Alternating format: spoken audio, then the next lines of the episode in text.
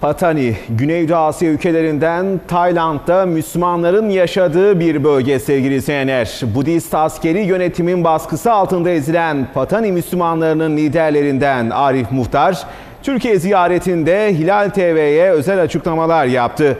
Sürgün hayatı yaşayan Arif Muhtar bölgedeki son durumu anlattı ve dünyaya seslendi.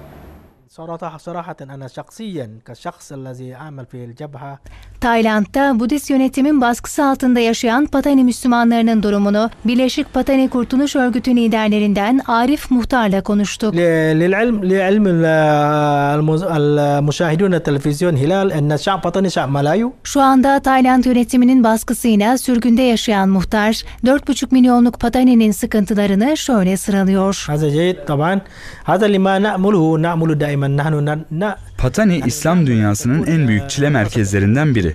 Bu 1909'da İslam Krallığı'nın yıkılmasından beri böyle. En temel insani ihtiyaçlarımızı bile karşılayamıyoruz. Biz Tayland hükümetince ikinci sınıf vatandaş olarak görülüyoruz. Çünkü onlar Budist Tay ırkından, bizse Müslüman Malay ırkından geliyoruz. Patani'de ekmeğimizi, suyumuzu dahi kuyruğa girerek alıyoruz.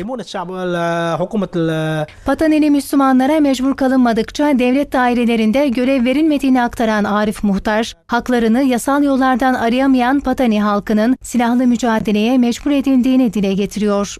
تكلمنا مع شباب من الداخل أنهم Birleşik Pateni Kurtuluş Örgütü'nün önemli isimlerinden muhtarın memnun olduğu şeyler de yok değil.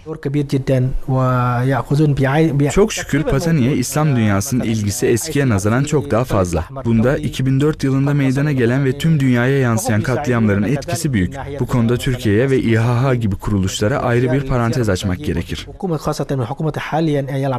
Arif Muhtar Pateni'ye batıdan bakışı da anlatıyor. Avrupa ülkeleri ve ABD Patani'yi görmezden geliyor. Hani bu ülkeler insan hakları ve demokrasinin kaleleriydi? Batılı ülkeler bizim sıkıntılarımızı görmediği gibi Batı medyasından da bazı organlar Patanili Müslümanları Tayland hükümetinin başında bir bela gibi göstermeye çalışıyor. Türkiye'nin son dönemde izlediği dış politikayı takdir eden muhtar, Dışişleri Bakanı Ahmet Davutoğlu'nun bir dönem Malezya'da yaşadığını hatırlatarak Güneydoğu Asya'nın beklentilerini ifade ediyor. Türkiye'nin dünyada hızla parlayan bir ülke olması bizim oralardan sevinçle seyrediliyor. Çünkü biz Osmanlı zamanından bu yana kardeşiz, kader ortağıyız. Şimdi Güneydoğu Asya'nın ezilmiş halkları acaba Erdoğan bizim için de bir one minute der mi diye bekliyor. Hilal TV aracılığıyla tüm Türkiye'ye sesleniyorum. Patanli Müslümanlar olarak sizi çok seviyoruz. Lütfen bizi unutmayın.